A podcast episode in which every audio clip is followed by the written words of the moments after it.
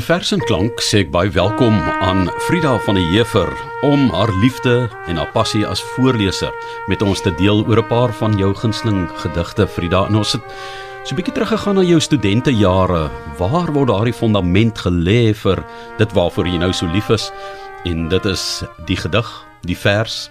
En die eerste een wat jy gekies het, is nogal 'n kwaaie, dis nogal 'n diepe vir 'n drama student. Ons gaan na ons is die geeste wat dwaal NP van Wyk Lou. Ek dink uh NP van Wyk Lou en Sheila Cousins het altyd as gidse in my lewe gefigureer deur hulle verse en nie as gevolg van hulle assosiasie nie.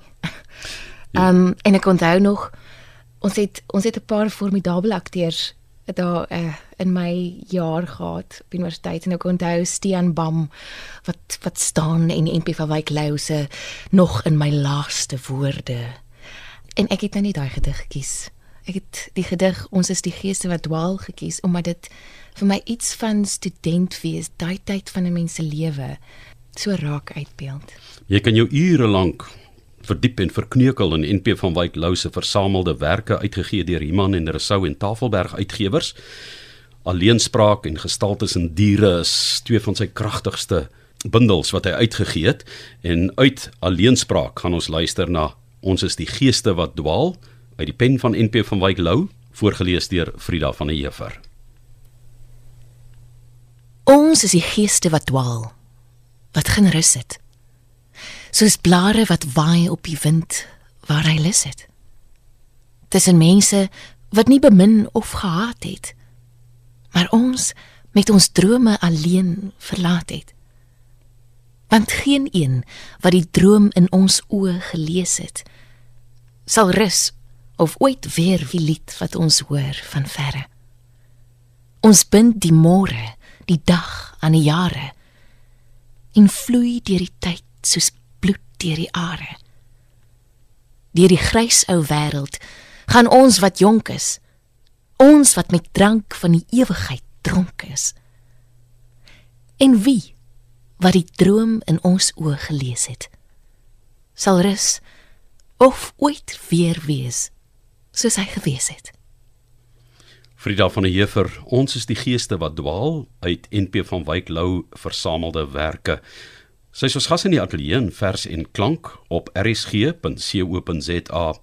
En Frida, ons is die geeste wat dwaal na land van genade en verdriet uit verskillende eras.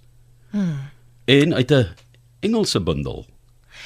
Ja, ek het dit nie oorspronklik in hierdie bundel gekry nie. Ek moes dit destyds toonset vir een van ons produksies op universiteit.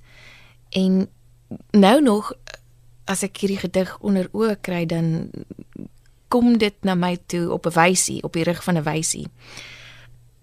Maar ek wil sê en ek weet nie of dit korrek is om dit van iemand te sê nie, maar dat Antjie Krog nooit eintlik binne in my in my siege 'n 'n era of 'n 'n tyd of 'n ouderdom of 'n bloei tydperk gehad het nie. En ek het hierdie gedig weer opgespoor in die Engelse bundel in a burning sea wat Marlies Joubert saamgestel het met vertalings van Afrikaanse gedigte. Dis uitgegee deur Protea Boekhuis in 2014 uit In a Burning Sea, saamgestel deur Marlies Joubert dan Land van Genade en Verdriet, Antjie Krog se gedig voorgeles deur Frida van den Heever. Tussen jou en my. Hoe verskriklik. Hoe wanhoopig. Hoe vernietig breek dit tussen jou en my soveel verwonding vir waarheid. Soveel verwoesting. So min het oorgebly vir oorlewing. Waar gaan ons heen van hier? Jou stem slinger in woede langs die kil snerpende sweep van my verlede.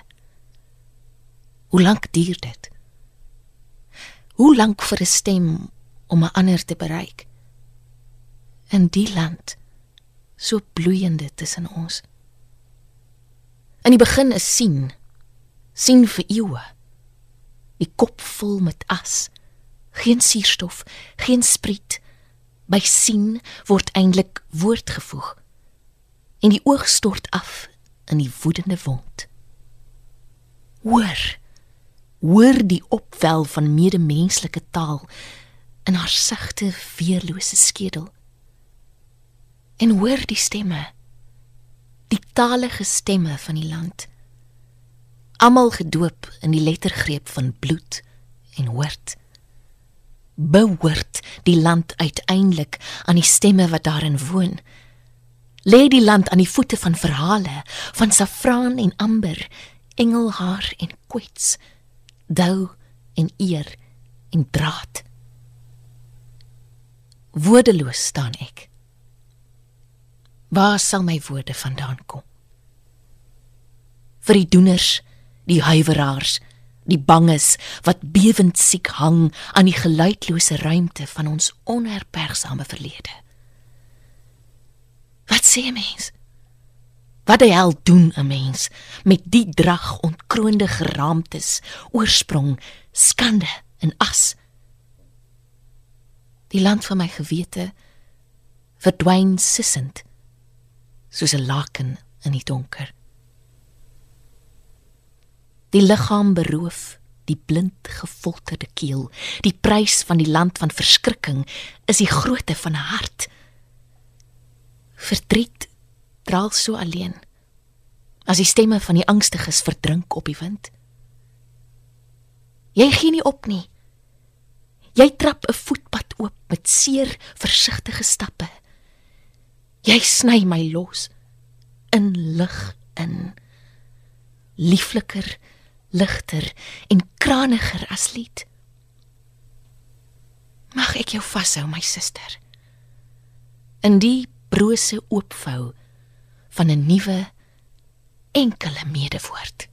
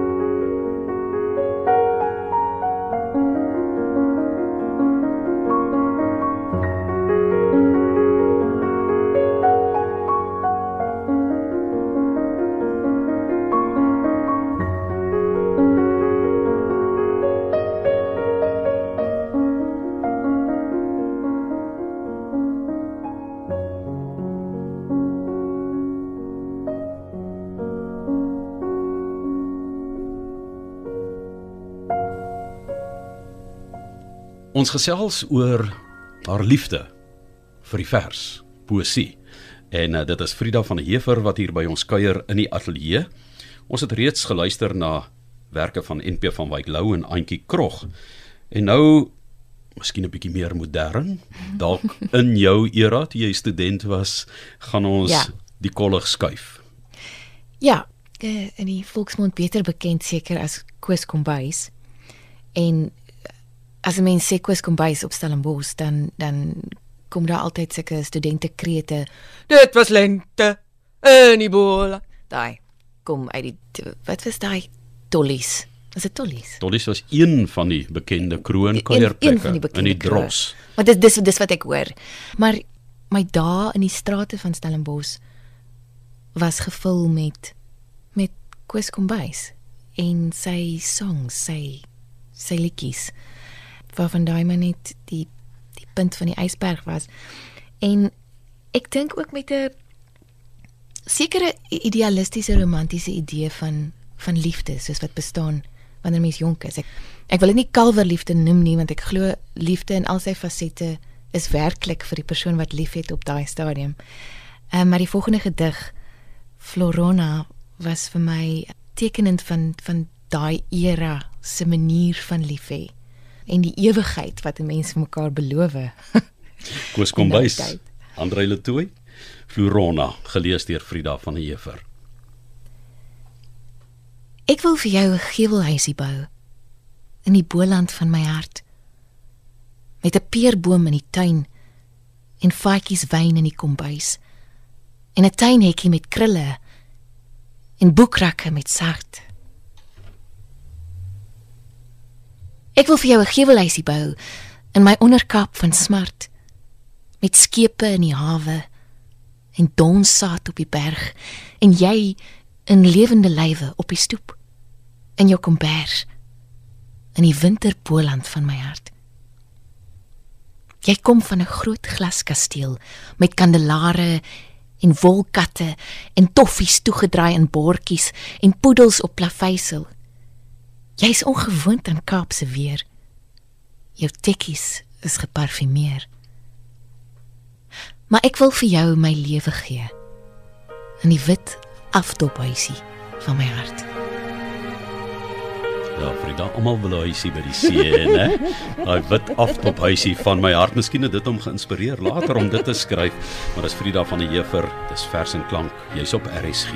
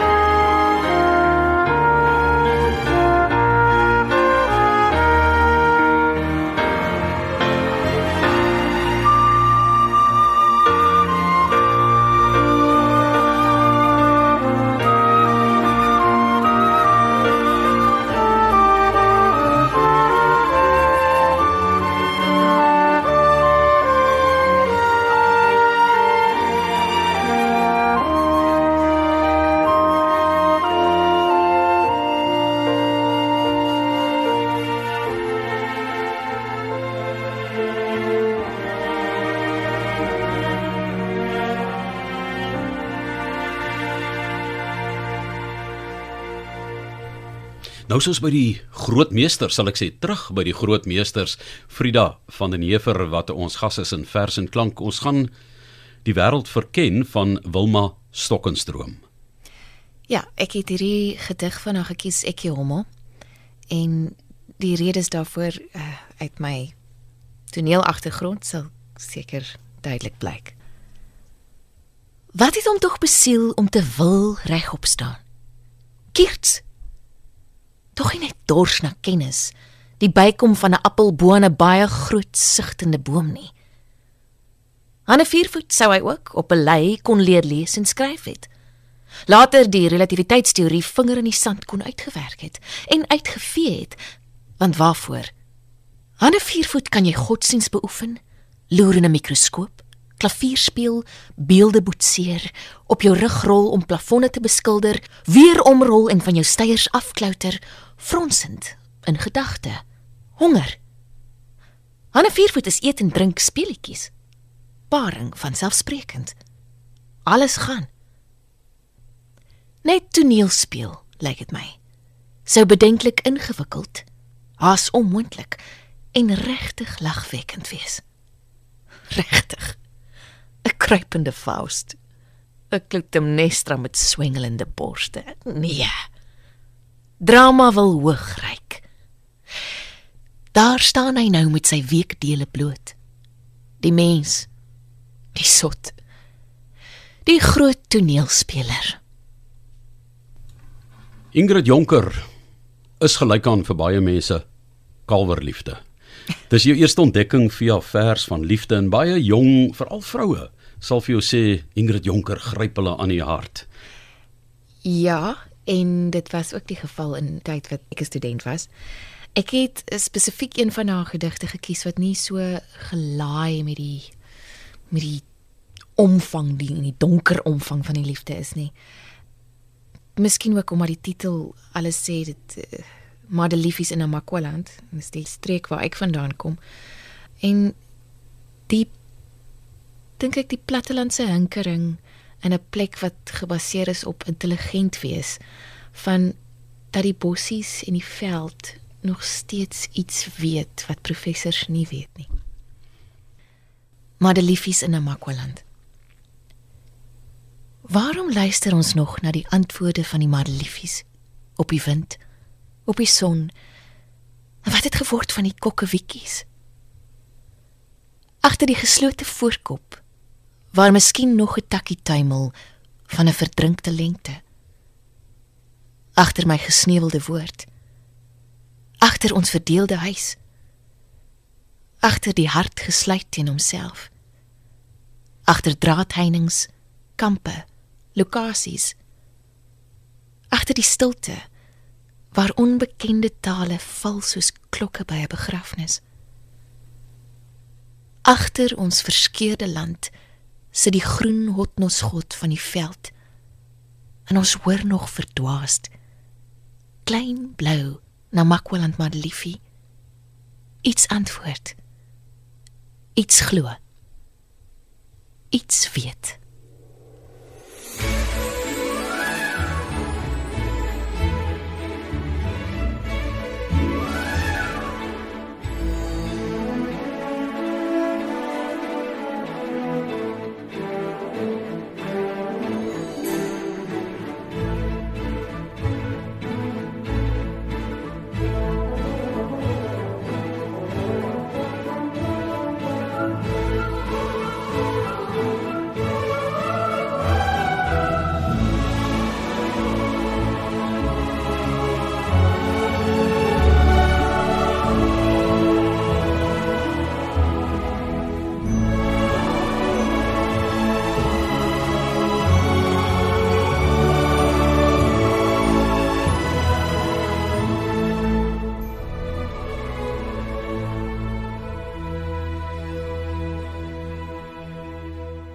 Ons sluit vers en klank af saam met Frida van der Heever. Mens wonder altyd oor die denkwêreld van die digter, daai diep droom donker ure, maar wat motiveer die voorleser in gedigte en uitgedigte? En dit is wat ons vanaand op 'n manier probeer vasstel het met uh, Frida van der Heever wat vir ons van NP van Wyk Lou se verse voorgehou het, Antjie Krog, Koos Kombuis, Wilna Stokkenstroom, Ingrid Jonker het ons ook nie verbygegaan nie, maar uit die mooiste Afrikaanse Christelike gedigte saamgestel deur Cas Vos, het jy vir ons iets spesiaals waarmee ons gaan afsluit. Ja, die gedig is van Charles Pierre en dis getiteld Hoe die hemel behoort te lyk. Nou ek het uh, op 'n stadium ook oorweeg om teologie te gaan swat. Maar toe op 'n ander preekstoel geëindig. Want die die gees en die die vryheid van die gees uh, fascineer my mense. En ek het altyd gewonder hoekom mense dit geesteswetenskappe noem. Want wat kan ons nou weet van die gees? En Shalpene het iets van hierdie onwetendheid, iets van hierdie misterie van die gees uitgebeeld in hierdie gedig. Hoe die hemel behoort te lyk. Hoe die hemel behoort te lyk, sal ek weet. Want ek was daar. Langs sy rivier. Die een met al die voeltjie klanke. In die hemelse seisoen. In somer net na sonop. Ek het soos gewoonlik opgestaan om my duisend take te verrig. En die tuin was boaards. 'n Tuin uit die verbeelding. Ek het tot toe my lewe gewy aan ritmiese spreuke. Nie heeltemal bewus van wat met my gebeur nie. Te besig om te strewe, te jaag sonder ophou agter 'n naam of 'n vorm aan. Ek glo die gebruis van bloed moet altyd triomfantelik wees. En hoe sal ek sê van 'n hoër orde? Dat die geur van angelier, dat 'n kappertjie en 'n heuningby en 'n liewe heerspesie van weelaard soveel langer as die blote oomblik ons sal byeenroep rondom daardie selfde kern. 'n Swaartepunt ander kan die doolhof van dinge. Want waarom sou die gees sy jag tog staak as hy uit die oneindigheid betowering lewenssug en belofte put? Maar waar is ons dierbare sterflikheid? Waar is die tyd wat ons vernietig sowel as red? Dis 'n probleem wat te moeilik is vir my. Ewige vrede kan nie oggende of aande hê nie. So 'n leemte skel daarteen. En dis 'n klipharde neet vir 'n teoloog om te krak.